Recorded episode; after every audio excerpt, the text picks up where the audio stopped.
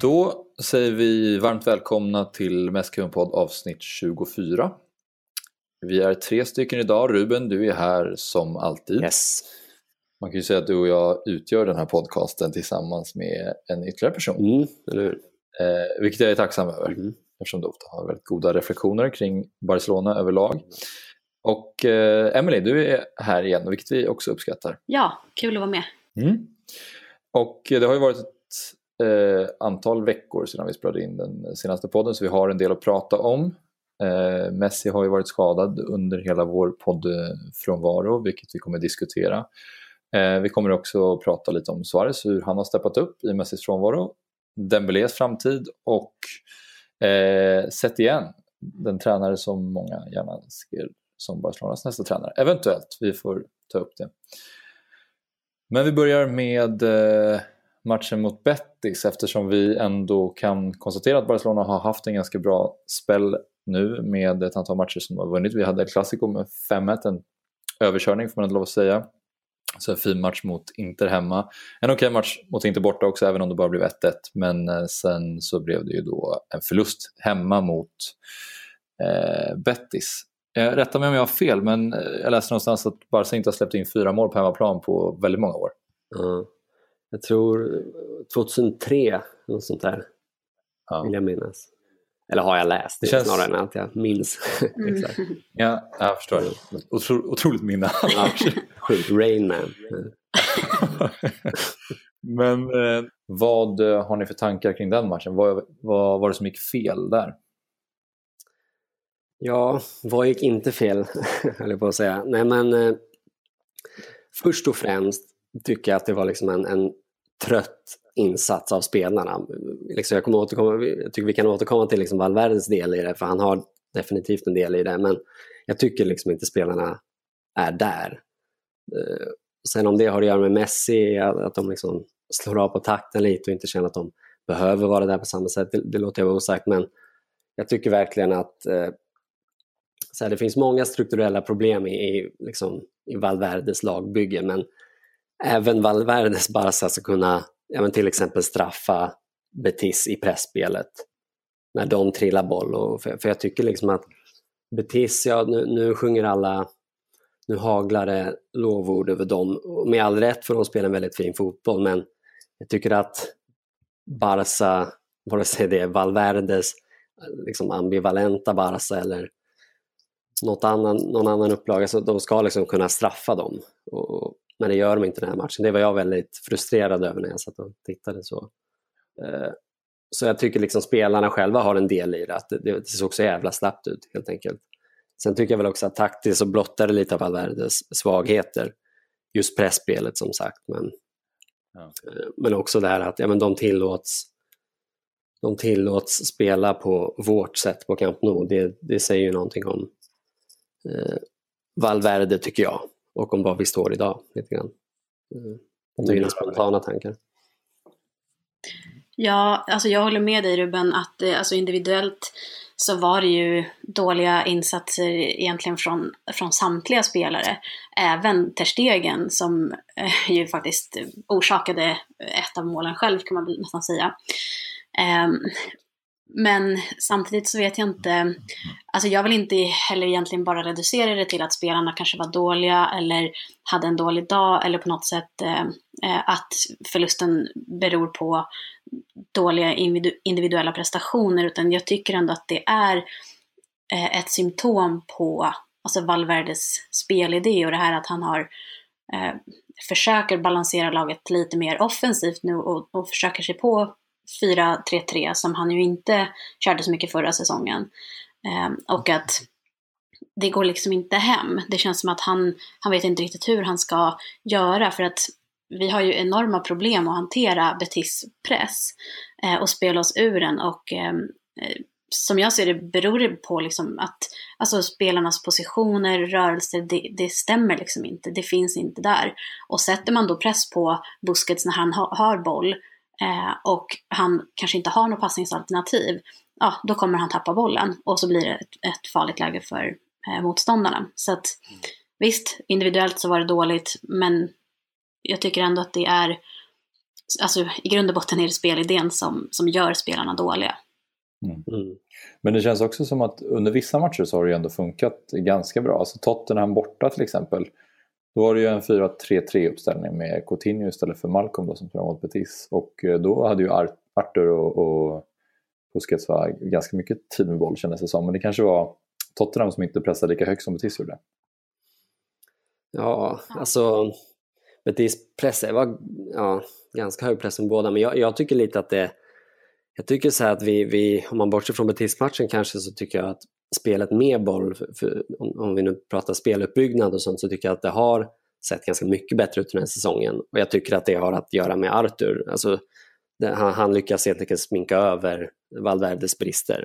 Men med det sagt så finns det en gräns för hur mycket han, alltså, han kan påverka. Och det är klart att det fortfarande ser lite stelbent ut. Och det såg verkligen stelbent ut mot Betis, det håller jag helt med dig om. Emily. Jag kan, men jag kan tycka att det var ännu tydligare just där hur vi, hur, hur vi pressar. För, för det är ju liksom så att ja, men, betispelarna, det, det, det, det, och det, vi ska ju återkomma till sätt igen lite grann, så ska inte liksom fastna där för mycket, men det är ju inte så att det är några superspel. Om jag tar Guardado till exempel, det, ja, det är klart att Setien får ju, får ju honom att se ut som en väldigt bra spel, men vi ska ju kunna straffa det ändå. Jag tycker liksom vårt, även Valverdes Barca en vanlig dag kommer att straffa det naivt spelande Betis. Ett normalt utfall är att vi ändå vinner den här matchen, ja. trots att det pressspelet är så dåligt under Valverde. Förstår du vad jag menar? Att det liksom trots, jag håller, liksom, skriver under på allting ni säger, du säger om Valverde, Emily, men det, det här var liksom ändå ett, ett ovanligt utfall, ett extremfall. Liksom. Så jag tycker man, folk drar lite för stora växlar nu också. Dels på Barca, hur, hur dåliga Barca var, dels på hur, hur bra Betis är och hur bra Setien är. Men, men det ska vi väl återkomma till. Men, förstår jag menar lite att det här, att det här är... understryker väldigt mycket men det var också en, en ovanlig typ av match med, med en massa konstiga situationer och ett Barca som var väldigt avslagna och så vidare. Ja precis och det är kanske som du säger, Betis låg väl på typ 17 plats eller någonting sånt inför eh, den här matchen och så att jag menar de har ju inte på något sätt gjort någon strålande säsong hittills. Så det handlar inte om att, att de är så himla bra utan, utan också kanske som du säger att det, det liksom är en kombination av, mm. av det. Plus att, att Barca-spelarna kanske kände liksom att ah, men nu kommer vi härifrån en tuff period med liksom matcher mot Real Madrid, mot Inter, eh, Sevilla. Eh, och ah, nu är det hemma, nu möter vi Betis, nu är det liksom inte nu är, nu är inte insatserna lika höga längre på något mm. sätt. Att det kanske absolut var en, en avslappnad attityd till matchen också. Mm. Ja, det där tror jag lite på också som du är inne på där. För att jag har pratat några gånger förut om att det känns som att när Barca väl, när världen ser på ute i Europa så känns det som att de kan växla upp en växel, till exempel då mot Tottenham borta. Men ibland i de här ligalungsmatcherna så känns det som att de kan eh, slappna av lite för mycket och tro att det kommer bara gå av bara farten. Och kanske också för att ja, nu har vi Messi tillbaka, det här kommer lösa sig hur enkelt som helst. Så det känns ju som att det kanske var en match som Eh, de tog eh, lite lätt på. Men Ruben, du eh, säger att du tycker att det har sett bättre och bättre ut under, under hösten om jag förstår det rätt. Eh, håller du med Emelie, eller hur, hur, ser du på, på den här hösten? Alltså jag tycker att det finns tillfällen där det har sett okej okay ut och, och, ibland rent av eh, bra. Eh, och då kanske särskilt då i, i hemmamötet med Inter och även i El Clasico. Men jag vet inte, Alltså jag är ju lite kritisk och ganska negativ tyvärr. Så att eh, jag kanske har en tendens att fastna på det som är mer, mer negativt. Och att jag ser liksom inte Valverde som en tränare som eh, jag vill ha kvar länge i klubben. Så att därför känner jag lite grann också att även om det kanske ser lite bättre ut så, så spelar det inte så, så stor roll för att jag vill ändå ha bort honom, förstår ni? Mm. Mm. Mm. Alltså jag, jag tycker inte heller att jag tycker inte att Valverde har stärkt sina aktier på något sätt egentligen. Alltså det vill jag ändå vara tydlig med. Jag tycker det här förbättringen och framförallt förbättringen med bollen, som sagt, det, det känner jag har helt och hållet att göra med faktum att laget är lite bättre, att det finns ett bättre mittfält. Mm, precis, att vi har Arthur. Och, ehm, och jag håller med dig i det att, att jag tror att han är en stor del eh, till varför det faktiskt ser bättre ut ibland. Men inte ens han kom ju upp i sin vanliga standard här senast nu mot eh, Betis. Så att, eh... Nej, men sen så känns det också som att han kanske har lite svårt att hantera eh, spelare från och till. Va? Alltså, eh, Dembélé känns inte helt nöjd, Arturo Vidal känns inte helt nöjd. Malcolm vet man inte, men han ryktas ju också. Eh, visst, det är klart att det är svårt att hålla så pass många världsstjärnor i schack samtidigt och det går väl helt okej, okay, men det känns som att det kan... Eh, det skulle kunna spår ur mer än vad det gör nu. Hur ser ni på det? Ja, men det tror jag. För att det känns som att han, Valverde, men samtidigt, det har ju varit likadant tidigare just att, att spelare har befunnit sig i, i frysboxen. Någon tränare som har, typ Lucho, det var ju spelare som hamnade i frysboxen hos honom också, men, men ja, jag vet inte, det här att man sätter Malcolm på läktaren i match efter match liksom och sen eh, ja, utan att ens ge honom chansen. Och så går det rykten om att ja, men han, han levererar inte på träning och så vidare. Och ja, det är klart, det är ju svårt för oss att veta, men, men samtidigt, jag vet inte. Det känns som att det, det är ett problem i alla fall att, att uh, Valverde typ straffar spelare, som nu senast Dembélé som fick sitta på, uh, på läktaren för att han hade kommit för sent eller inte hade dykt upp för att han var hemma och var sjuk. Och visst, det är absolut inte okej okay, och vi kommer väl prata mer om det senare. Men Ehm, men det, det, känns som ett problem faktiskt, tycker jag. Mm.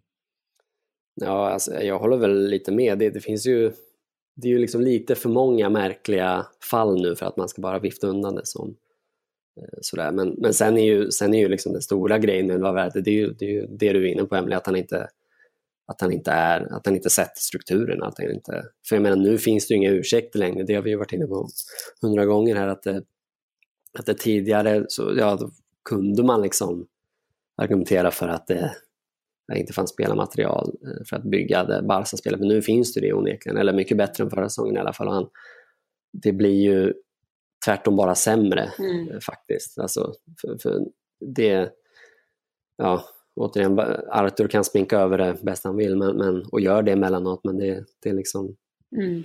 vi kommer bara, han kommer bara så, han kan bara göra sitt. Liksom. Det, ja, han är liksom en, en spelare av ja, elva. Till syvende och sist så, så, så handlar det om att Valverde inte kan sätta eh, rätt typ av spel. Eh, det, det, och jag börjar bli faktiskt, mitt tålamod börjar sina lite grann. Alltså jag, jag, för nu har jag så svårt att rationalisera kring det också. Alltså, du vet, man, man, man vill ju gärna tro det bästa om tränare och särskilt när det handlar om ens eget lag. Men jag känner att nu hittar jag inte längre någon, något skäl till att, att tro på Valverde. Nej. Och sen har han gjort det bra i vissa avseenden och det går att argumentera för att de, ja, men de kämpar under honom, han har tagit sina titlar, men, men det är ju liksom inte poängen. Nej. Som vi så ofta konstaterar. Nej precis, och det känns också som att han har sina favoriter, till exempel Rakitic som ju startar och ja, får spela 90 det, minuter alltså. oavsett egentligen hur han presterar. Och jag menar som nu när han dessutom hade gult kort och, och, och så tar man ut Arthur istället och jag, jag förstår bara inte jag förstår inte grejen med Rakitic. Oavsett hur dålig han är så får han sina 90 minuter match efter match. Mm. Han tog ut, tog ut Arthur först och sen tog han väl också ut Busquets. Mm. Ja, precis. Utan att ta ut Rakitic. Ja, precis. Ju... Det var kortbelastad. Det, det, det, vilket var någonting som var mini på. Ja, det var skoj faktiskt. Men det är ju sån jävla tankevurpa att ja. inte plocka Ja, eller hur. Och att, han har inte heller varit särskilt bra i matchen. Nej, och precis. att Arthur får kliva ut i halvtid. Alltså, hade ju han som, som ni säger, det är ju han som är motorn just nu. Och mm. då plocka in honom, alltså Arturo Vidal är en helt annan spelartyp, du får ju se att han har spelat. Och det kanske var det han ville ha också, men, men det känns ju verkligen som att det mer logiska bytet hade varit att Rakitic går ut och in med Vidal. Mm. mm. Den matchen också, det, det, är ju som sagt, jag, jag, tycker liksom att en, det har varit en käpphäst hos mig och många andra att Valverde inte sätter den här Barca-pressen. Men jag kan också tycka att de, som, som enskild match betraktad, att liksom inte pressa högt mot Betis. Just det, det är liksom den, det är den liksom amatörmässiga analysen av Betis är att man ska, ja men det är klart man kan falla jättelågt och straffa dem på det sättet och, och låta dem trilla men det gör ju inte bara så på Camp Nou. Nej. Det skulle vara självmord. Så ja, vad är alternativet? Ja men vi pressar dem högt.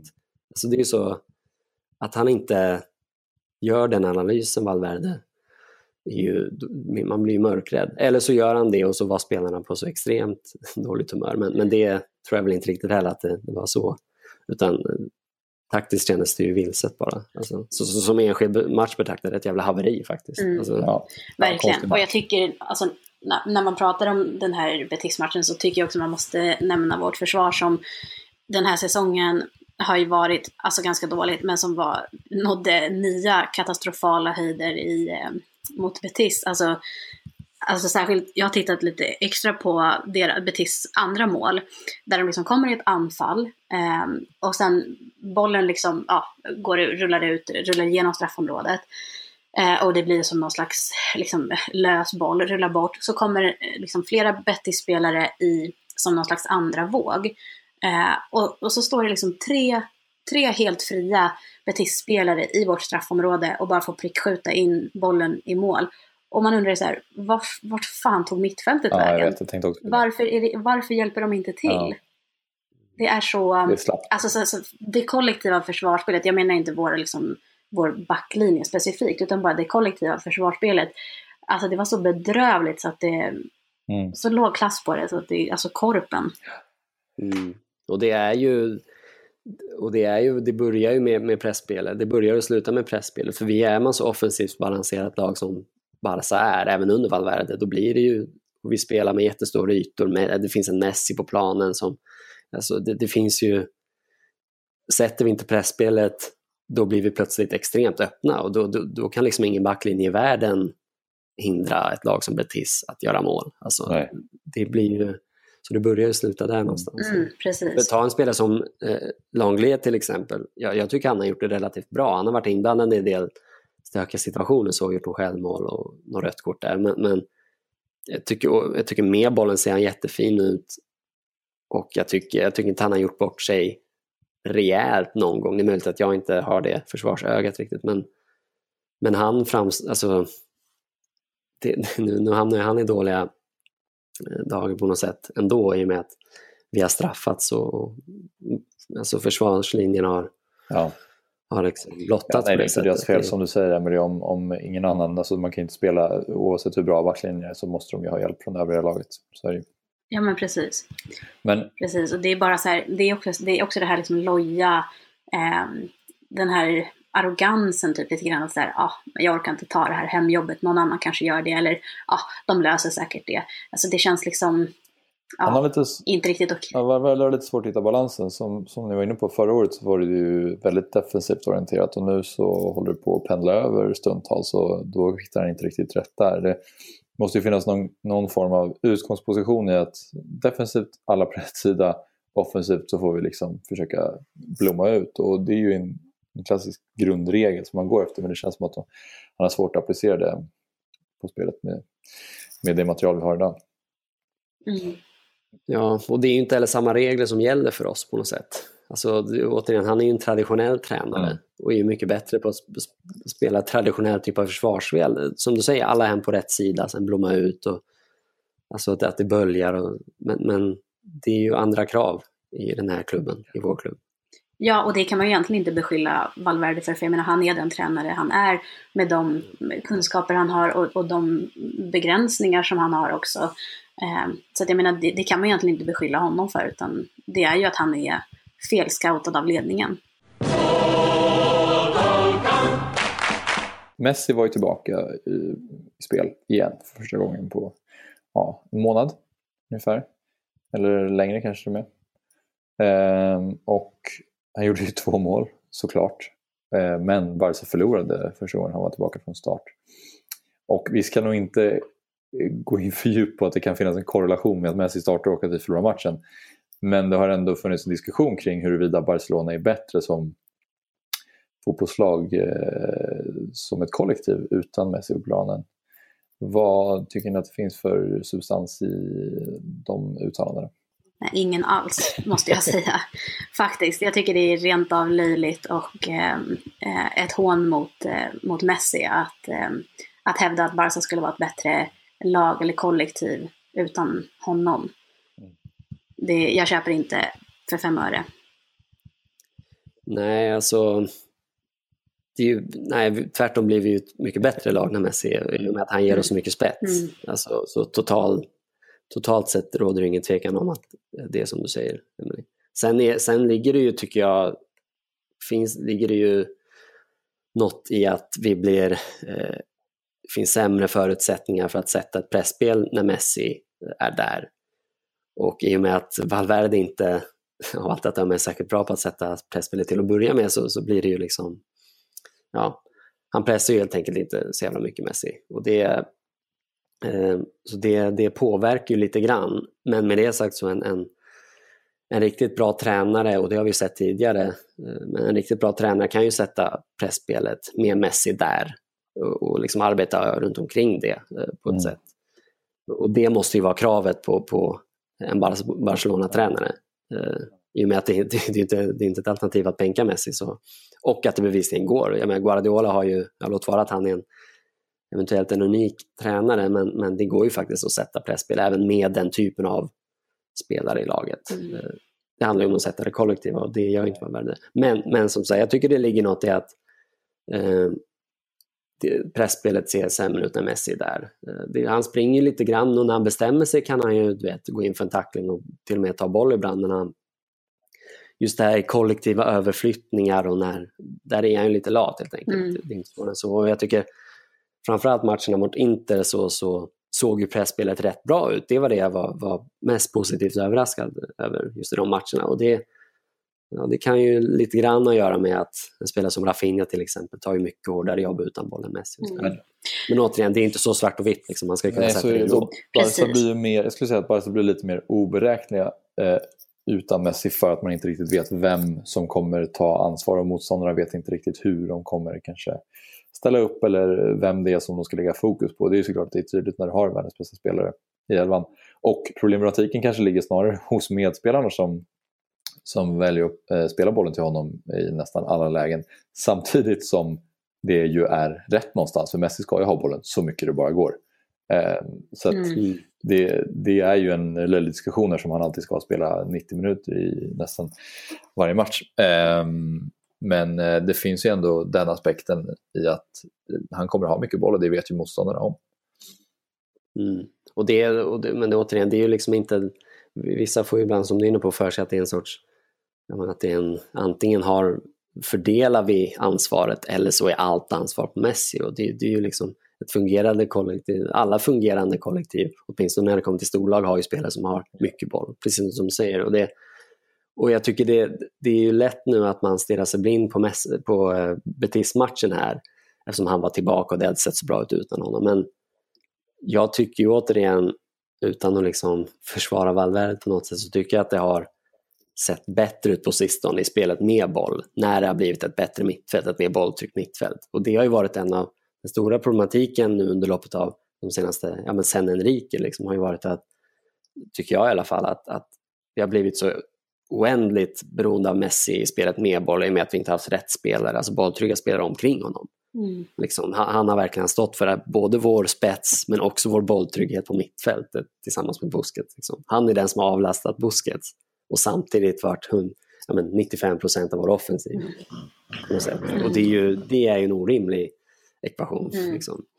Eh, men, men även om det mesta av vår offensiv går genom Messi så, så tycker jag ändå inte riktigt man kan säga att vi på något sätt blir lättlästa eller så. För att jag menar, ja, alla vet väl att Messi kommer gå till vänster, Messi kommer söka eh, bollen mot, ut mot Alba på vänsterkanten, alltså nio gånger av tio. Men samtidigt så eh, så är han ju ändå i princip omöjlig att stoppa även om man vet vad han kommer att göra. Um, mm. Så att, um, så att ja, jag, jag, tycker inte att vi blir mer lättlästa med Messi på plan. Eller lättlästa blir vi, eller mer lättlästa blir vi kanske, men fortfarande eh, så är det svårt för motståndarna att stoppa ja. oss. För att Messi är så himla bra. Så Sen det, jag, tycker bara, jag tycker att det är viktigt att de andra spelarna fortfarande vågar ta ansvar själva och ta avslut när de har bra lägen, att inte alltid söka Messi. Och Suarez vet man ju att han ändå, eh, visst han älskar att spela bollen till Messi men han gillar ju också att avsluta så det brukar lösa sig fint. Dembélé däremot kan man känna ibland att han kommer dit som, som ung och han gör mycket konstiga saker med bollen men eh, han har också lätt för att spela den lätta till Messi. Eh, vilket man både kan uppskatta och känna att ja, ta för det, visa mm. vad, du, vad du går för. Men han har ju strul på fler plan än så. Precis, men jag tycker inte heller man egentligen kan beskylla Messi på något sätt för att andra kanske inte tar nej, gud, nej, initiativ. Utan det ligger ju liksom på dem, alltså egentligen själva. Och, och är det så att om Messi skulle bli sur, jag menar Messi verkar ju ändå vara väldigt, väldigt ödmjuk och jag menar han ger bort straffar till höger och vänster och liksom, det är inte så att han hela tiden kräver att få passningen. Um, så att jag tycker att um, Alltså är det så att man har ett, ett kollektiv, ett lag där, där de andra spelarna känner att de inte vågar eller kan ta för sig på grund av att eh, den största stjärnan eller den bästa spelaren då blir arg. Så tycker jag att då är det liksom ett problem, ett mer eh, institutionellt problem som man får ta tag i liksom. Svenska eh, landslaget. Utanför plan liksom. Ja. mm. Men utanför, att det får man liksom lösa utanför plan, den, då, den typ så här, makthierarkin. För det är klart att Messi har, har mycket mer makt än någon annan på grund av att han är i mitt tycke världens bästa fotbollsspelare och alltså bäst i Barcelona och då får han ju eh, större makt och han kan väl liksom tvinga folk att passa bollen till honom. Men ja, jag vet inte om han, om han faktiskt gör det. Men det kan, ju inte, det kan ju inte och ska inte vara på något annat sätt än att Messi har överlägset mest boll. Det handlar ju bara om vad, vad de gör runt omkring och det, med, det är ju som du är lite inne på Emelie, det handlar ju om liksom Alltså det är inte det faktum att Messi har bollen eller att de hela tiden passar dem, det är hur de rör sig omkring och att de, de löper rätt och mm. att det finns andra spelare som Messi kan ge bollen och så de inte, alltså ta, ta skillnaden mellan att ha ja men, Rakitic och Artur bredvid sig. Mm. Det är klart, Rakitic är en jättebra spelare men om ett lag pressar högt och Messi ger bort bollen till Rakitic, ja, då får de belöning Alltså då kan de sätta pressen på Rakitic, men har man en Artur bredvid, då kan de plötsligt, då blir det lite svårt. Då måste de hålla koll på Artur kanske som är bra. Eller, mm. Samtidigt, då får ju Messi mer yta, men, men liksom antalet minuter eh, Messi har bollen förändras ju inte, utan det är ju bara vad som händer omkring honom som förändras. Titta bara på Argentina till exempel. Jag menar, där, där har de ju där är ju Messi centrum av händelserna också och har överlägset mest boll. Men det går ju käpprätt åt helvete för att de inte vet vad de ska göra kollektivt, som ett lag betraktat. Mm. Och det är ju, jag menar, det är ju någonstans, har man Messi i laget, det finns ju bara uppsidor med att han ska ha bollen. Det handlar ju bara om att man helt enkelt bygga laget därefter. Men, eh, Exakt, och att de andra inte bara stannar och tittar, vad ska han göra nu? Utan faktiskt liksom erbjuder alternativ. För att jag menar, det är ett lag, man hjälper varandra och det gäller ju även Messi, liksom att, att han hjälper andra och att andra hjälper honom. Mm. Så att... Nej, det, men det är ju till syvende och sist är det en tränarfråga liksom, för jag, för jag tror liksom inte heller att någon spelare aktivt tänker att, att nu, ja, nu Messi ska bara ha boll, utan tvärtom, de, de vill ju vinna och vill ju att Messi ska vara här föraren. Utan det är ju en tränarfråga mm. helt enkelt. Men hur tycker ni att eh, Suarez har eh, tagit ansvar i Messis frånvaro? Då? Väldigt bra, tycker jag. Alltså överraskande bra. Och jag menar, jag, jag, här, jag, jag, vi har ju varit rätt hårda mot honom här i podden.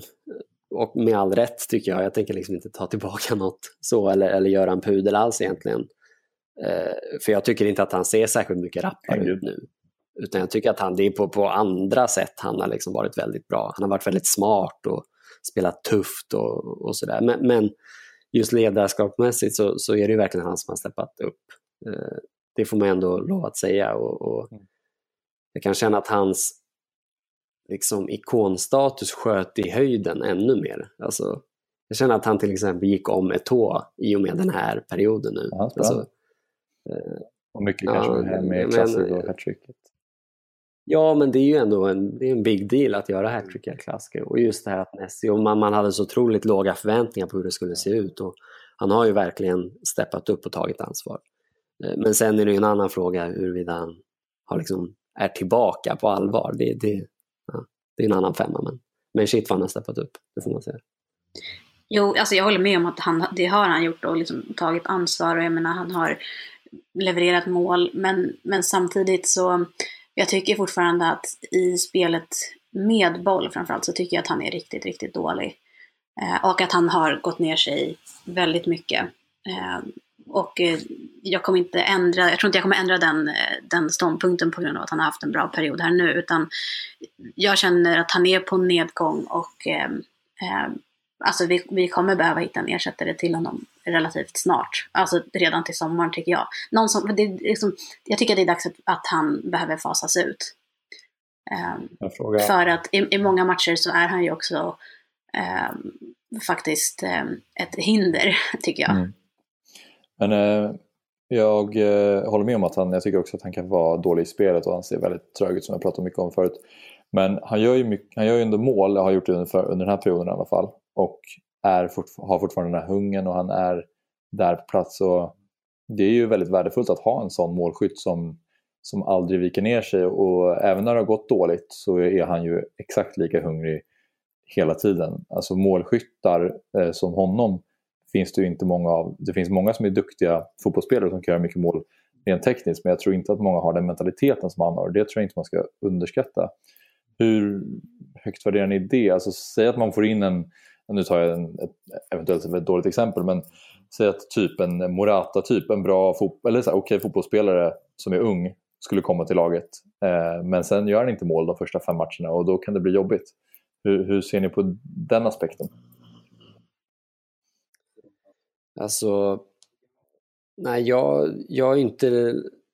Alltså jag tycker att han alltjämt bidrar med mer bra än dåligt. Alltså, det, det är min liksom, jag, jag blir sjukt irriterad på honom och jag tycker att han, är, han har tappat speed och, och är, är liksom kantig i spelet med boll. Men jag, jag, jag tycker jag är inte redo att liksom avpolitera honom riktigt än sådär. Det kanske, alltså jag tycker han, om han fortsätter göra mål, att han ska ha en säsong till kanske. Alltså, för jag tror att det, det, det man blir nästan förblindad av hans, hans trubbighet och kantighet och, och sådär. Men, men jag tror just där i pressspelet och det faktum att han löper så mycket och jag tror det fortfarande är värt ganska mycket trots att det inte går lika fort som förut. Alltså just den offervilligheten och det är klart man, det är lite frågan vad, vem blir ersättaren? Och vi, vi pratade om det lite förra avsnittet men det, det är ju jag tror mycket, jag tror inte alls på det som du säger eh, Axel, det att få in en liksom bra fotbollsspelare men som inte kan lägga ner det jobbet och göra de målen. Utan då ska vi få in en spelare som kan bidra i pressspelet och i, i, är riktigt löpvillig djupled. Och, och, ja, vem är det? Det, det går ju att ja, snacka länge om. Jag, jag inte, vi pratade om Firmino förra avsnittet men det är liksom ja, det är inte givet att han är den spelaren. Och, och jag kan inte komma på en bara på rak arm sådär, en, en given ersättare. Så. Ja, jag, jag, jag är glad att vi har Suarez alltjämt ändå. Alltså, ja, alltså jag menar inte att, vi ska, att han ska liksom ut ur klubben i, i sommar, men jag menar att eh, jag tycker nästa säsong eh, bör man börja fasa ut honom och kanske, mm. alltså man bör börja tänka på en ersättare eh, och vem och ja, jag har inga förslag till vem som skulle kunna tänkas ersätta mm. honom. Eh, men, men jag tycker ändå att alltså, om vi inte gör det nu så kommer vi ju stå där om ett år eller två år och liksom inte ha någonting överhuvudtaget. Eh, men sen håller jag med om att alltså, hans inställning, hans, alltså, han kämpar och sliter eh, som ett djur. Alltså, och och det, det får man ju ge honom, alltså, det är ju otroligt viktigt. Men, eh, men jag kan nog räkna de gånger jag är frustrerad på honom ofta, alltså, det är fler gånger jag är frustrerad på honom eh, än gånger när jag liksom är, älskar honom, om vi säger så. Mm. Att... Nej, men han är ju tydligt på nedgång. Det kan man, det kan ju absolut. Mm. Han tappar ju speed. Sen har det liksom det här, det var ju så dramatiskt det här tappet av explosivitet liksom för något år sedan. Nu har det väl lite sådär planat ut lite, men han är ju lite för långsam och han kommer inte att bli snabbare. Så det, det, så det är klart man, man måste börja leka med tanken att eh, att ersätta honom. Ja. Eh, Förr eller han, lever ju på, han lever ju på hungern och trots allt att han är en eh, bra fotbollsspelare i grunden. Kan göra mm. stundtals bra saker men han är ju verkligen inte alls den spelare som han var för 5-6 år sedan. Mm. Sen har han varit lite självklarare i spelet med boll tycker jag de här senaste månaderna. Alltså det, det, det kanske, kanske är en konstruktion som han, det har gått så bra, han har gjort mycket mål. Men, men jag kan ändå tycka framförallt borta matchen mot Inter, då gjorde han ju inga mål, paradoxalt nog. Men du kan vara riktigt bra i den matchen faktiskt. Alltså, han, han hade några ögonblick där han, du vet på klassisk Suarez-manér, liksom två touch, bara ta med sig bollen framåt, bara liksom borra ner huvudet och du vet, så här blixtsnabbt avslut som gick över i den matchen. Men han, var, han kändes ändå stort självförtroende med bollen, om inte annat. Alltså, och det kändes självklart på ett annat sätt. Så det hoppas jag att han, han kan ta med sig i alla fall. Mm. Om inte annat. Ja, nej men det är spännande att se hur, hur länge han håller. För att eh, det känns som ni säger, han är ju helt klart på väg ner. Men än så länge kan jag tycka att han gör tillräckligt mycket mål och är tillräckligt involverad i spelet i alla fall. Men eh, en dag så kommer man ju känna att nu, nu kanske det är nog. Och då kan det vara bra, som du är inne på Emelie, att ha eh, fasat ut honom på något sätt eh, innan dess. Att det inte blir liksom... Det blev ju lite så, om man ska dra någon form av parallell med typ Wayne Rooney i United när han var där Eh, under ganska lång tid så var han ganska dålig och ingen ville riktigt kritisera honom eftersom han är en ikon i klubben. Och det blev ju lite, det blev inte så snyggt när han sen gick till Everton. Eh, och, och så, så att man kanske, jag vet inte exakt hur det ska gå till men man får väl hålla, hålla någon form av koll på hur, hur han presterar. Ja, men det går inte heller liksom att ersätta eller byta ut honom över en natt, utan det måste ju ske liksom successivt tycker jag. Man, man kan inte bara alltså, gå från, vi har honom varje match 90 minuter, liksom, eh, två gånger i veckan, till alltså ena säsongen och sen nästa säsong till att nej, nu sätter vi dig på bänken och så eh, har vi värvat en annan som ska ta din plats. Jag menar, jag tycker inte riktigt man kan göra så, utan det behöver ju ske liksom en successiv utfasning av honom. Att istället för att han ska spela 90 minuter varje match, så ja, låt honom vila någon match, låt honom spela 75, sätt in någon annan. Alltså att, att man sköter det på ett eh, lite bättre sätt då kanske. Mm. Än vad man har gjort när man har kanske slussat ut, eller slussat ut, det blev ju aldrig någon utslussning av egentligen varken Xavi eller Iniesta till exempel. Eftersom det är först nu vi har hittat någon slags typ ersättare till Xavi. Mm. så här, fyra år senare. Liksom. Får se om eh, Paco Alcacer kanske hittar rätt i Dortmund. Osman Dembélé som ju har det lite problematiskt. Han är liksom in och ut ur laget eh, lite hela tiden. Det känns som att Valverde inte riktigt vet hur han ska spela honom. Han gör det inte så lätt för sig själv när han väl spelar för det är mycket konstiga grejer han håller på med på plan vilket gör att han ibland till och med får publiken mot sig. Och nu senast som vi redan har pratat om så eh, fick han inte ens vara med i truppen för att han kom för sent och så. Och nu ryktas det om många olika scenarion för honom och klubbar också för den delen. Hur, vad tycker ni att man ska, eh, hur tycker ni att man ska hantera Dembélé? Alltså, tycker ni att man ska, ska lånas ut för att få mer speltid eh, och kanske hoppas på att han utvecklas? Eller ska man försöka verkligen slussa in honom i laget och få honom starta honom mycket oftare och få honom att känna sig en del av? Är han tillräckligt bra för det? Eh, ska han roteras på det sätt som han görs nu? Hur ser ni på det? Alltså, jag vill bara börja med att säga att jag tycker tid alltså är ju det absolut nyckeln i fallet med Dembélé tycker jag och, och fallet med egentligen alla unga fotbollsspelare. Eh, men tid finns ju inte i den moderna fotbollen tyvärr. Eh, men eh, jag tror i alla fall inte på att man ska låna ut honom. Eh, för att är det så att man känner att man inte vill satsa på honom i Barcelona, då, då bör man sälja honom tycker jag. Jag tror inte det kan komma någonting gott av en utlåning för att ja, då spelar han i ett annat lag, kanske en annan liga och sen ska han komma tillbaka till Barcelona och då blir det ändå som att han nästan eh, får börja om på noll igen.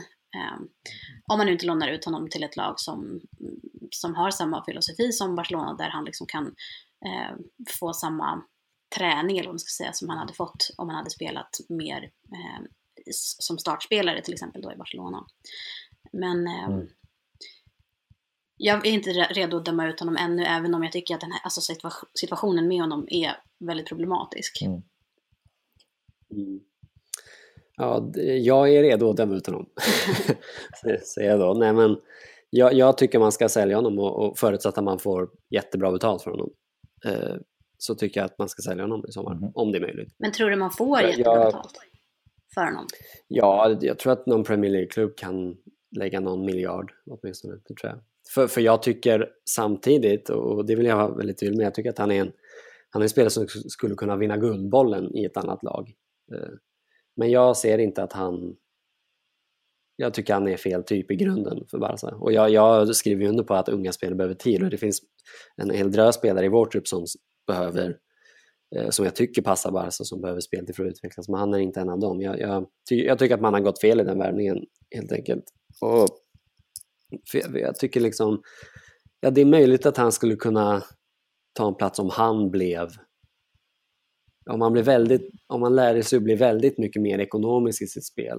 Eh, men det, det är inte heller hans styrka. Det är klart att han är pistolsnabb och det skulle han kunna använda i att vara ett, liksom, en mer Pedro-roll. Liksom, men han, han, hans främsta styrka är att han är så otroligt spetsig en mot en. Han kan, liksom, han kan dribbla av ett halvt lag mm. när det sitter för honom.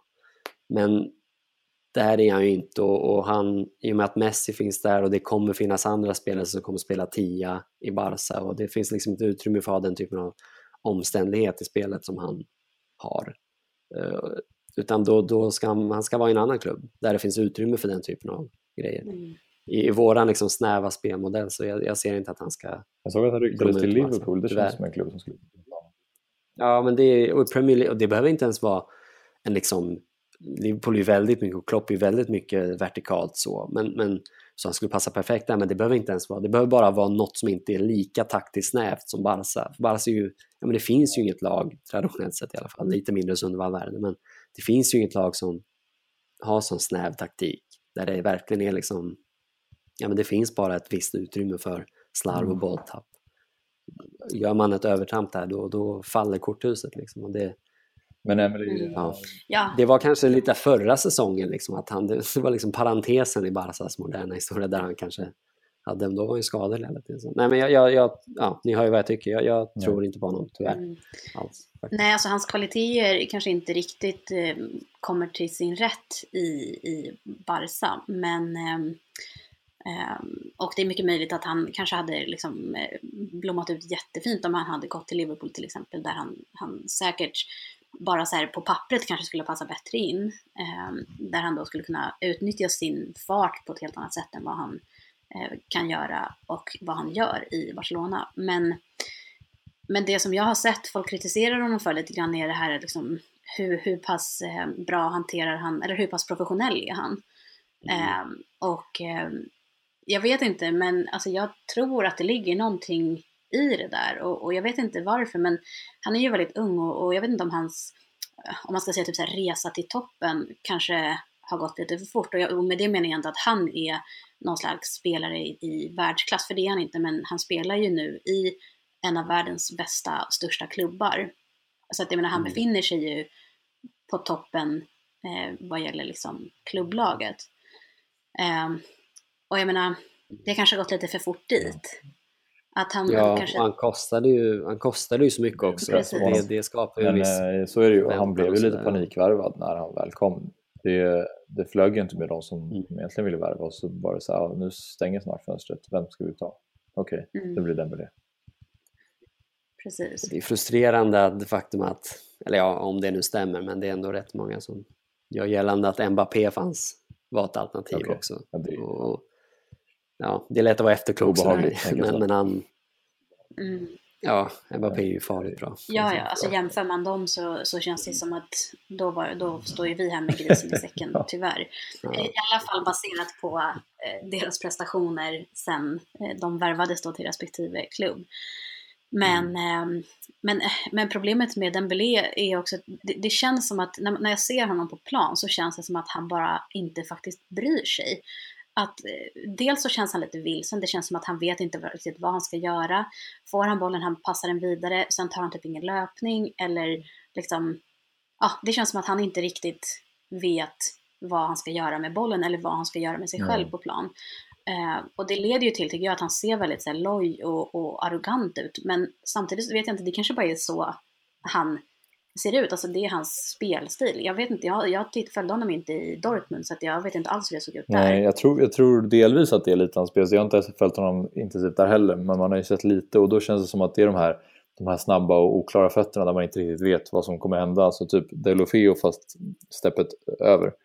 Eh, och det funkar liksom några gånger av fallen och då blir det bra. Men, men ibland så gör det inte det och då ser det bara jättekonstigt ut. Sen tror jag att han har min uppfattning är att han känner en viss press på sig varje gång han spelar, att jag kostar så här mycket pengar, jag har stora förväntningar på mig och han känner att han måste leverera och då väljer han väldigt många fel lägen att utmana där han kanske egentligen inte borde göra det.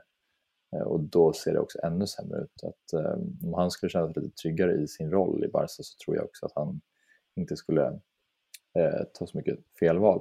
Samtidigt är det svårt för honom för man vet ju också att han är inte cementerad i elvan på något sätt och då känner han nog att varje gång han spelar så måste han ta chansen och visa upp sig och då blir det också fel. Så att han kan han måste ju prestera för att få spela men man vill samtidigt att han ska ta det lite lugnt. Så det, han har ju en problematisk sits just nu om man inte börjar spela bättre generellt i spelet. Liksom.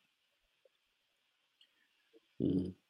Ja, och det, sen ska man också ändå nämnvärt att så det, eller så här, han kom ju till exempel, han kom ju sent till träningen och, och av allt att döma så har det varit vissa liksom, ja, men så här stökigheter utanför plan att han kanske inte är världens mest disciplinerade eller inte tillräckligt disciplinerad helt enkelt. Men det finns ju också de som, jag vet inte hur många de är egentligen, men det finns ju de som gör, liksom menar att det, det pågår någon sorts drev mot honom också, att spansk media har liksom bestämt sig lite grann och att hänger ut honom, du vet följer, han är under lupp hela tiden och varenda lite snedsteg så blir det rubriker i alla tidningar. Att det, det är ändå värt att nämna tycker jag att det finns de som faktiskt menar att det, det är inte, det är lite så här som det har skrivits om Raheem Sterling i England, där att han har blivit någon typ av, ja men media har bara bestämt sig mm. att vi ska hänga ut honom. Och det finns ju vissa som drar ännu större med att han har någon, någon sorts eh, rasistisk underton där, medveten eller omedveten, men det, det låter jag vara osagt, men det finns ändå de som menar att han hängs ut på ett helt oproportionerligt sätt just nu. Mm. Och, jag vet inte vad, ja, mm. svårt att tolka men... Ja fast det tycker ja. jag att eh, han gör. Han blev väl hånad för hur han var klädd när han satt på läktaren här senast. Ja, precis. Och, och jag mm. menar, någonstans får man liksom dra gränsen. Sen jag tycker att det är helt rimligt att, att han eh, kritiseras för att han kommer sent till träning eller att han kommer...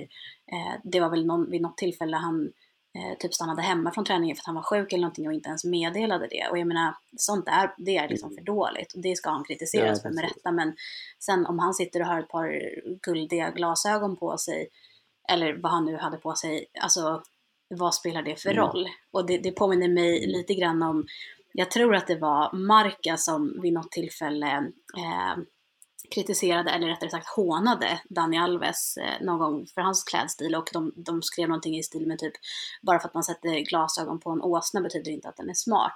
Någonting i stil med det. Och alltså, mm. jag känner att eh, Dembélé hamnat i lite samma, eh, samma liksom fälla med det där och, och jag tycker det är eh, faktiskt riktigt osmakligt och eh, inte alls okej. Mm. Och det är klart att det påverkar Nej, det honom säkert. Ja. Nej, men det är just det att man de liksom inte... Ja, men att det blir så mycket antingen eller. Antingen är han syndabocken eller så är han inte. Alltså, det är ju lite sådana tider vi lever i. Men vad fråga Emelie, det kan få vara lite du som ändå vill ge honom tid, så här, hur tycker du att man ska hantera honom nu då, om man inte lånar ut honom? Hur mycket speltid ska han få och så vidare? Alltså, jag tycker att han borde få eh, lite mer speltid, men sen, sen beror det ju också på för att eh, det går ju, alltså det är svårt att inte jämföra honom med, till, alltså med Malcolm.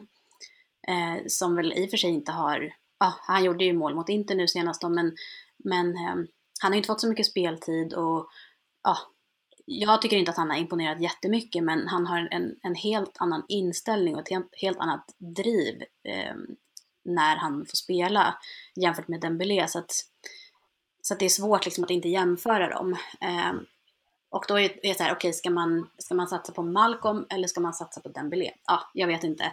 Men jag tycker att Dembélé borde få mer eh, speltid och jag, jag, tycker ändå att Valverde har hanterat hela situationen med honom lite fel genom att just det känns som att han bestraffar honom med att placera honom på läktaren. Och, och jag, jag, jag, är lite emot det där. Ja. Um, jag tycker att då kan man ta det ett snack mellan tränare och, eh, och spelare. Men eh, man behöver inte göra det så, så uppenbart som Valverde har gjort, även om man förnekar att det var någon slags bestraffning då, att Dembélé inte ens blev uttagen i truppen nu mot Betis. Ehm, men jag tycker att Valverde måste hantera Dembélé-situationen mycket bättre eh, med mer fingertoppskänsla än vad han har gjort hittills och faktiskt ge honom lite mer chanser och framförallt lite mer regelbundna chanser. Så mm. ja, jag är ändå villig att ge honom lite tid. Men eh, ser vi inga framsteg under resten av säsongen så och det finns någon som vill betala för honom så att vi inte förlorar pengar på eh, köpet så i så fall så, ja. Men, Um, han är ju faktiskt, uh, båda två är födda 97 så det är ju ändå rimligt att dra en jämförelse de två emellan. De är båda unga uh, och båda yttrar. Och jag tänker så här, Messi och Suarez är ju givna i startelvan och då finns en plats bredvid dem i en 4-3-3 uppställning. Och Coutinho vill ju Valverde uppenbarligen inte flytta ner i någon form av uh, nummer 10-roll i um, triangel mittfältet.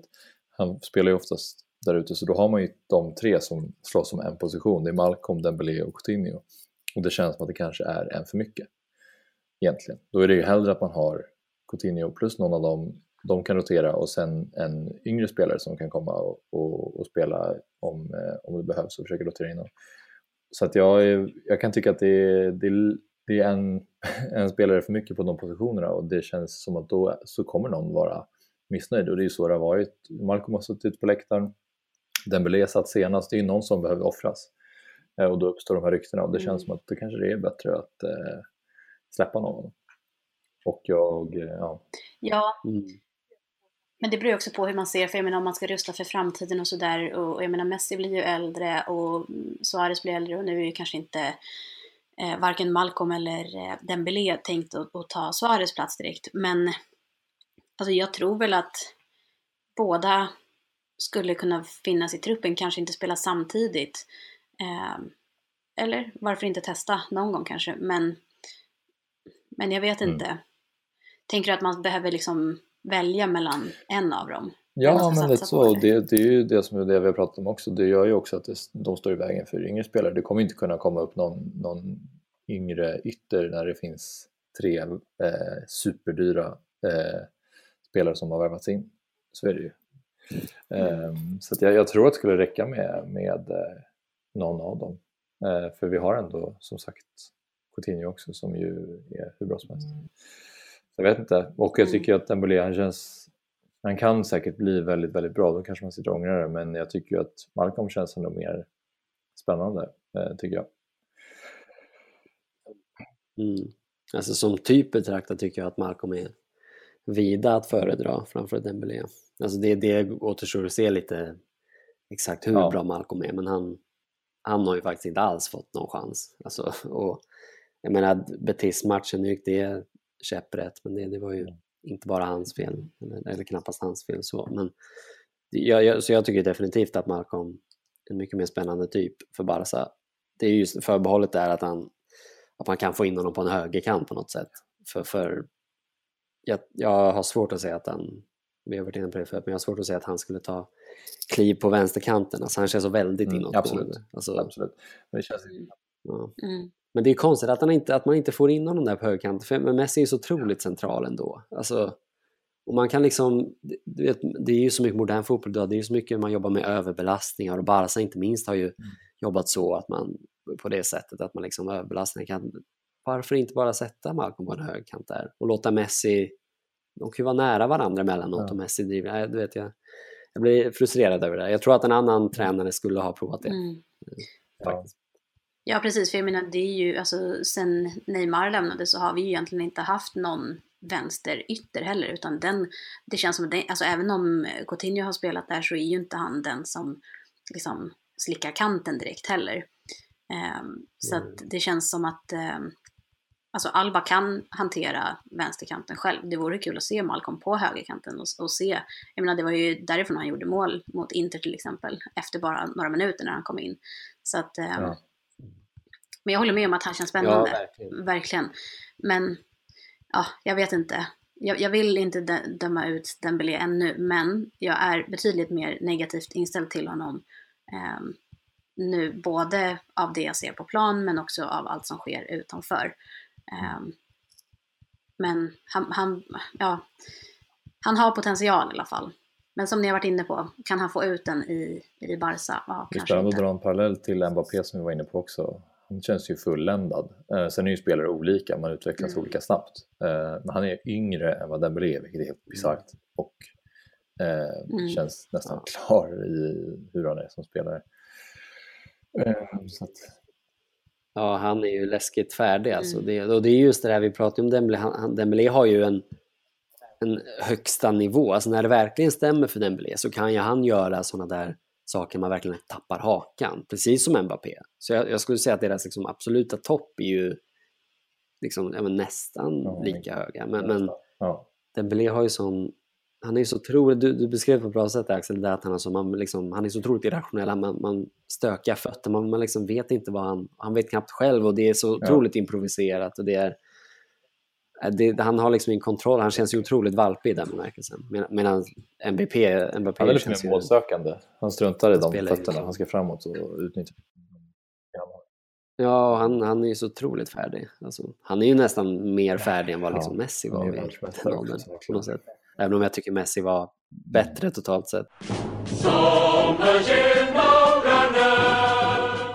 Ja, men vi går vidare och eh, pratar lite om Betis tränare. Han som ledde det lag som nu slog Barca på eh, Camp Nou, eh, Kike Setien, som har eh, hypats en del de senaste dagarna. Dels generellt för att eh, eller baserat på det som, på sättet som Betis spelar men kanske primärt efter matchen mot mot Barcelona. Vad tror ni om han och skulle komma till eh, Barcelona och ta över Eh, klubben?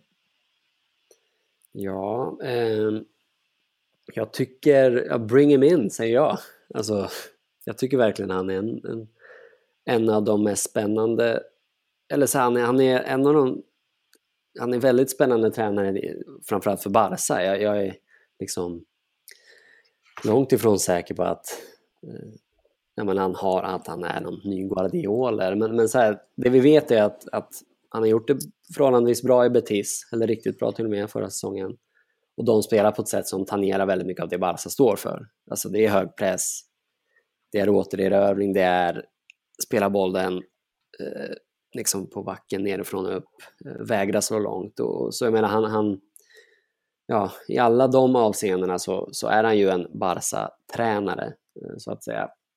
Så jag tycker verkligen, och i synnerhet eftersom ja, vi har en tränare som vi kanske inte tycker är så bra just nu.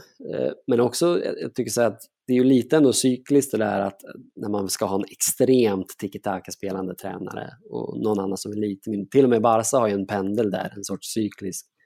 Liksom. Och, och, nu är vi ju definitivt en period där vi, och bland supportrarna hos oss, det finns en, en liksom uppdämt behov av en en sån extrem typ av tränare. Det känner jag i alla fall. Jag, jag, det är ändå så jag mm. tolkar situationen lite. Så.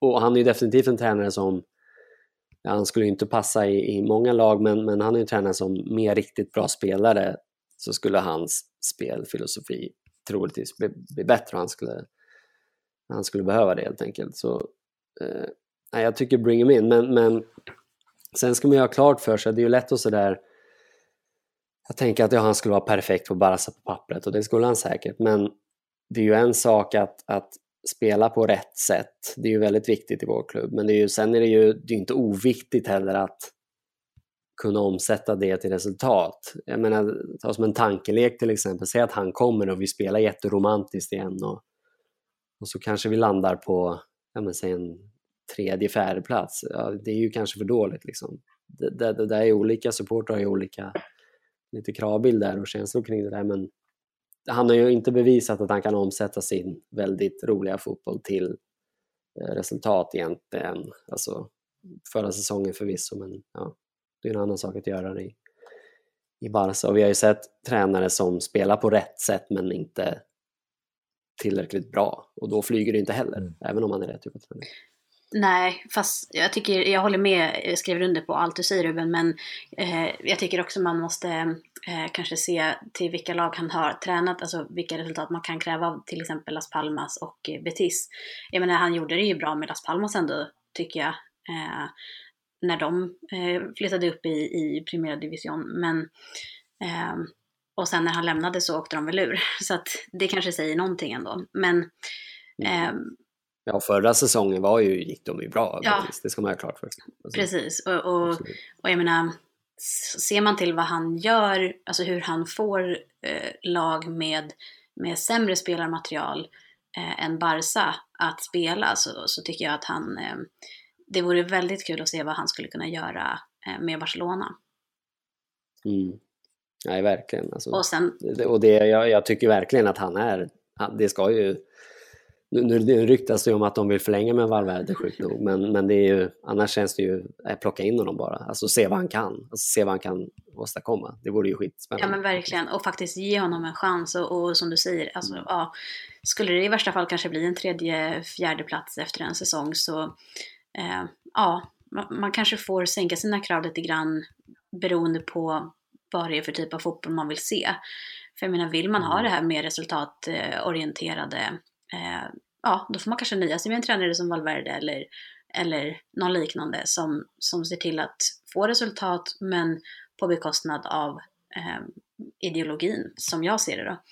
Ehm, Mm. och, eh, men jag skulle definitivt vara villig att ge Setien en chans eh, och framförallt ge honom tid att faktiskt bygga någonting. För att jag menar, det går ju inte på en natt liksom. Mm. Och folk är ju rätt, Alltså, så återigen, det, det känns ju som att opinionen håller på att svänga ytterligare. Folk, man är rätt och vi är supportrarna, vi är rätt törs, alltså svältfödda på vår typ av fotboll nu. Alltså, jag tror att folk skulle köpa en lite sämre, alltså till skillnad från för några år sedan bara kanske, skulle köpa nu en, en resultatmässigt lite sämre säsong eh, till förmån för, för en ja, men rätt typ av fotboll. Alltså jag tror att det, vi är mer svältfödda än på väldigt länge Mm. på den fronten, kan jag känna. Alltså det, det, när man liksom kollar, surfar runt och hör folk, och det, folk börjar Men bli är rätt trötta på drömtränaren Alltså, för er båda eller? Nej. Det, alltså, ja, bortsett Guardiola då såklart, tänker du. Men, men, men jag, Sarri skulle vara... efter alltså. Sarri är... eh, Ja, ja, det är nummer. Alltså, utan tvekan. Mm. Han har ju dels... Napoli-prestationen är ju helt galen vad han, han gjorde med Napoli. Alltså, eh, och, och jag tycker att han, han... Det finns en sorts... För jag har ändå sett en del på Betis och de, de må spela väldigt roligt och på rätt sätt som sagt men, för oss. Men det finns ändå en... Det är ändå... Ja, jag kan säga att jag, jag kan... Jag tycker man kan skönja mer systematik i Sarris lagbyggen. I liksom så här hur de jobbar för att bryta linjerna och djupledsspel än vad liksom Setien känns mer än tiki-taka. Liksom. Sarri känner jag skulle kunna göra Okej. Mm. stordåd i Barca, alltså Men- med rätt spelare faktiskt. Eh, Men det är klart, sen Men känner ni att är väl där eh, i så fall att ni skulle vilja att Valverde går mm, alltså nu under, under eh, vintern redan och få insett igen eller hur ska man lägga upp det i så fall om man nu skulle försöka om Barca skulle försöka göra ett tränarbyte? Det beror väl på, på alltså, om man liksom långsiktigt ser eh, Setien som, som en långsiktig ersättare eller om man bara ser eh, honom som någon som ska ta över till, fram till sommar. Liksom. För då tycker jag absolut inte att, då, är, då kan man lika gärna behålla Valverde. Eh, och, eh, och jag menar, alltså vi har ju varit inne på det här förut att eh, det, det finns ändå någon slags eh, eh, stolthet, om än kanske lite naiv då, eh, att faktiskt inte sparka tränare mitt under pågående säsong. Om det liksom inte går helt åt helvete och det har det ju inte gjort. Jag menar vi har ju haft en väldigt tuff period bakom oss och bortser man från plumpen här nu mot Betis så, så får man ju ändå säga att det resultatmässigt har gått bra. Ehm, så Han vill leda ligan i alla fall fortfarande. ja, Ja. precis och jag menar vi är väl klara eh, för, eh, för slutspel i Champions League också. Även om inte ja, det kanske vi är. Ja, jag tror att det är bara... Jag tror det är antingen en av Inter eller Tottenham som kan gå vidare, inte båda två. Okej. Så jag tror att det är Nej, men så är matematiskt det. är klara, men inte, inte att vi har vunnit gruppen liksom. Nej. Ännu. Nej, precis. Det. Men det är ju också så här... Det är ju... Jag tycker definitivt att vi borde göra oss av med Valverde så, så snart som möjligt eh, egentligen. För jag, för jag tror liksom att den här... Alltså, jag, tror att det, jag tror inte det kommer hända, men en bra tränare skulle på ganska kort tid kunna sätta något väldigt bra. Alltså, vår trupp den här säsongen är ju ruggigt bra, alltså, tycker jag. Jag menar, det här är en Champions League-vinnande trupp, alltså, tror jag, med rätt tränare. Alltså, så, sådär. Men, men det är ju... Ja, ett, jag tror inte det kommer hända och eh, ja, eh, nej men det, ja, det är ju här, det är ju dumt att spekulera eftersom det inte kommer att hända men skulle det hända så, så tycker jag definitivt. ja. Att, eh, Jag tänker på, vi har pratat lite om så här, tid, att det man måste ge spelare kanske primärt har tid att få, få komma in i laget. Tycker ni att Valverde också, har han, han, är liksom, han, har, klar, han, visat, han har visat att han, det finns ingenting där att hämta eller skulle han kunna eh, ta laget till en ny nivå om han får, fick ännu mer tid? Nej, jag tror inte det. Inte till den nivån som i alla fall jag skulle vilja se. Nej. Nej, alltså jag, jag, tycker att han har alla förutsättningar, har haft både tid och alla förutsättningar i världen att, att bygga det här laget på rätt sätt. Eh, och han gör inte det. Så jag ser liksom ingen, an, det finns ingen anledning att tro att han skulle lära sig. Nej. Men, det tror inte jag faktiskt. Alltså, ingenting talar för det. Sätt igen, han spelar alltså i 4-3-3 eller 3-5-2 hur, hur pass likt Barca spelar han? Eh, jag som inte har sett så mycket Betis, har ni koll på hur, hur det ligger till? Jo, men det är rätt likt. Alltså. Sen, är, sen flyger det inte alltid på samma sätt och de kan inte dominera på samma sätt i och med att det är så ett betydligt sämre spelarmaterial. Men sen, och sen har ju han, de stöter ju på också det här problemet som alla riktigt bollförande lag stöter på om, om de är bra och går bra att, att, att lagen sjunker helt mm. enkelt. Mm. Och det, och där återstår ju lite att se hur bra han är på bryta, alltså bryta, alltså bryta ner riktigt lågstående lag. Men man kan ju inte heller kräva av ett lag som Betis att de ska kunna. Alltså det finns ju inga spelare. I Barca skulle han ha Messi till ja. sitt förfogande. Eh, alltså det har han ju till Betis. Så, så de har ju stött på den typen av problematik nu den här säsongen ganska mycket. Och det är ju att, att förvänta sig när man är ett liksom mittelag som spelar på det extrema mm. sättet. Eh, lagen sjunker helt enkelt för att det finns inte spets nog för att kunna bryta Nej. de där Nej, men det, Nej, precis. Ja, fortsätt Emelie. Nej, jag skulle, vi skulle bara säga att alltså, han kör väl mest något slags 3-5-2 liknande. Eh, och jag bara tänker att eftersom det känns som att vi är ganska sårbara liksom på på flankerna, eller vad man säger på svenska. Alltså så att eh, ett 3-5-2 kanske, alltså om han skulle kunna implementera det på ett bra sätt så kanske det också skulle leda till att vi inte blir lika sårbara eh, på kontringar till exempel. Mm. Det är ju, Enrique experimenterade ju lite med trevaktslinje mm. och det var tycker jag den, de få gångerna när jag tyckte det såg att det var liksom ett uppsving under Enrique när han, liksom, han överbefolkade mittfältet där och gjorde ett femmanna mittfält, då blev det plötsligt mm. bättre. Eh, så det är absolut, men det är ju, vi har ju varit väldigt liksom envisa vid vår 4-3-3-grej och det är kanske det är på gott och ont. Liksom. Det skulle vara kul att se någon som satte ett femmanna ja, mittfält. Spännande. Alltså. Väldigt spännande. Ja, och särskilt någon som faktiskt kanske har lite vana av det då, som sett igen. För att det känns inte som att Luis Enrique kanske riktigt hade någon större vana av det, utan det var bara mer, han bara, ah, nu, nu testar vi det här och ser liksom, hur det går.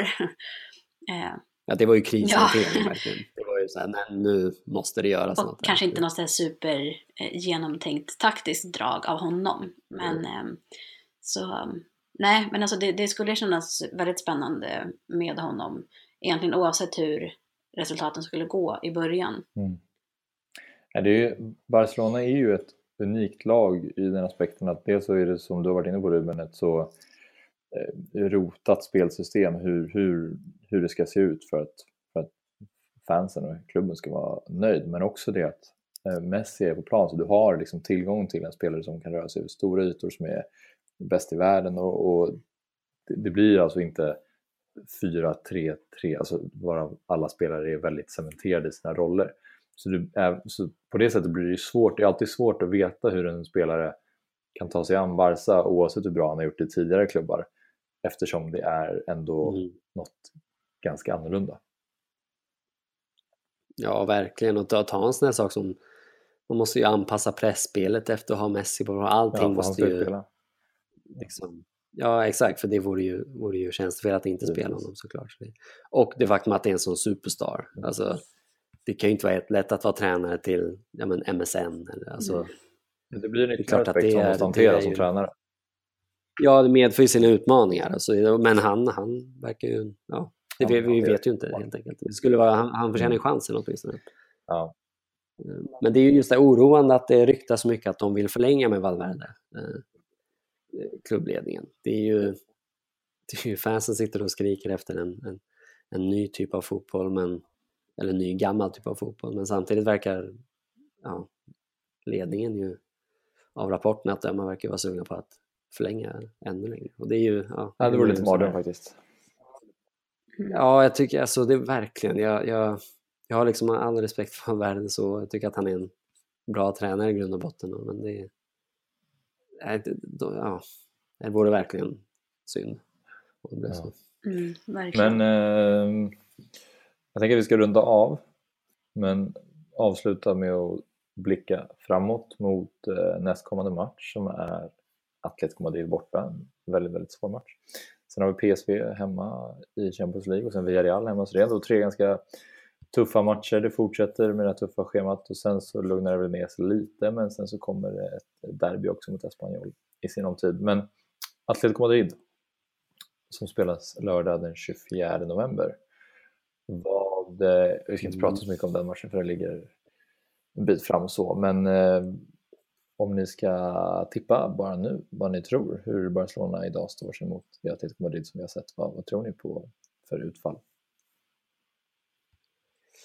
Ja, kryss är väl ett, liksom en, en lågoddsare. Alltså, vi, jag tror att vi kommer någon uppsving sen, sen Betis-matchen är väl att En liten upprepning alltså, av Valencia borta kanske? Ja, men en reaktion på något sätt. Alltså, om inte annat så i liksom rent sådär taggmässigt. Du var inne på det att det ändå det, det, det, det, betyder ju ganska mycket ändå trots att det, Valverde, det är upp till Valverde att sätta mycket så måste spelarna också tagga till. Liksom. Det, det kommer de göra, det är jag inte så orolig över faktiskt. Jag tror på en, en bättre prestation än senast. Men, men det är, nej, det vi ska vinna på Vanda liksom, det, det känns ju väldigt, det, det, känns otroligt. Så kryss får jag väl säga. Sen vill jag också sticka in att du nämnde Espanyol-derbyt, det är ju också det, är väl liksom tidernas Barca-derby kanske. Alltså, I och med att Espanyol går så bra. Det, det, den blir ju rolig. Att, ja, det, det ser man fram emot. Det derbyt, för en gångs skull. Det är alltid roliga matcher så, men i år kommer det ju kommer det smälla. Alltså. Eh, men vad, om du ska säga ett resultat då? Ja men 1-1. Målsnålt och kryss. 1-1. Ja, nej, det, tråkigt nog så uh, säger jag samma som Ruben. Alltså jag tror att uh, målsnålt och kryss, det är ju så det brukar se ut. Um, och uh, nu med Betis-matchen färskt i minnet så, så tror man ju kanske inte på några vidunder i Madrid. Men, uh, men ja, möjligtvis att vi kan vinna med 2-1. Mm. Men uh, det känns mer till hands faktiskt att tippa kryss 1-1. Det känns som att det ligger väldigt nära till hands. Jag håller ja. verkligen med. Som jag sa kort, jag tror på en upprepning av Valencia borta, typ att det är en tuff match borta. Det, det blir lite eh, återhållsamt. Kanske. Men eh, det vore ju ändå någon form av statement om man kunde plocka en eh, seger i den matchen. Ja, och jag tycker så här, vi ska ju det är klart att Atletico är väl ett hot men, och Real kommer väl komma igång men vi ska ändå vinna i år. Alltså, Atletico jag tycker verkligen det. Det är konstigt. Det är alltså inga ursäkter i år. borta med 4-0 liksom. Det är, ja. bra. Men jag tycker det här är verkligen, det är vår liga att förlora ja. i år. Alltså, på alla sätt och vis. Jo, så känns det verkligen. Ja, men eh, bra, vi rundar väl av där. Har ni någonting mer som ni vill tillägga? Eh, nej. Bra, då eh, påminner vi återigen om att ni kan eh, höra av er till oss på meskreumpodd.gmail.com Så det får ni gärna göra, annars så hörs vi igen snart. Eh, tack för oss! Barca, Barca, Barca.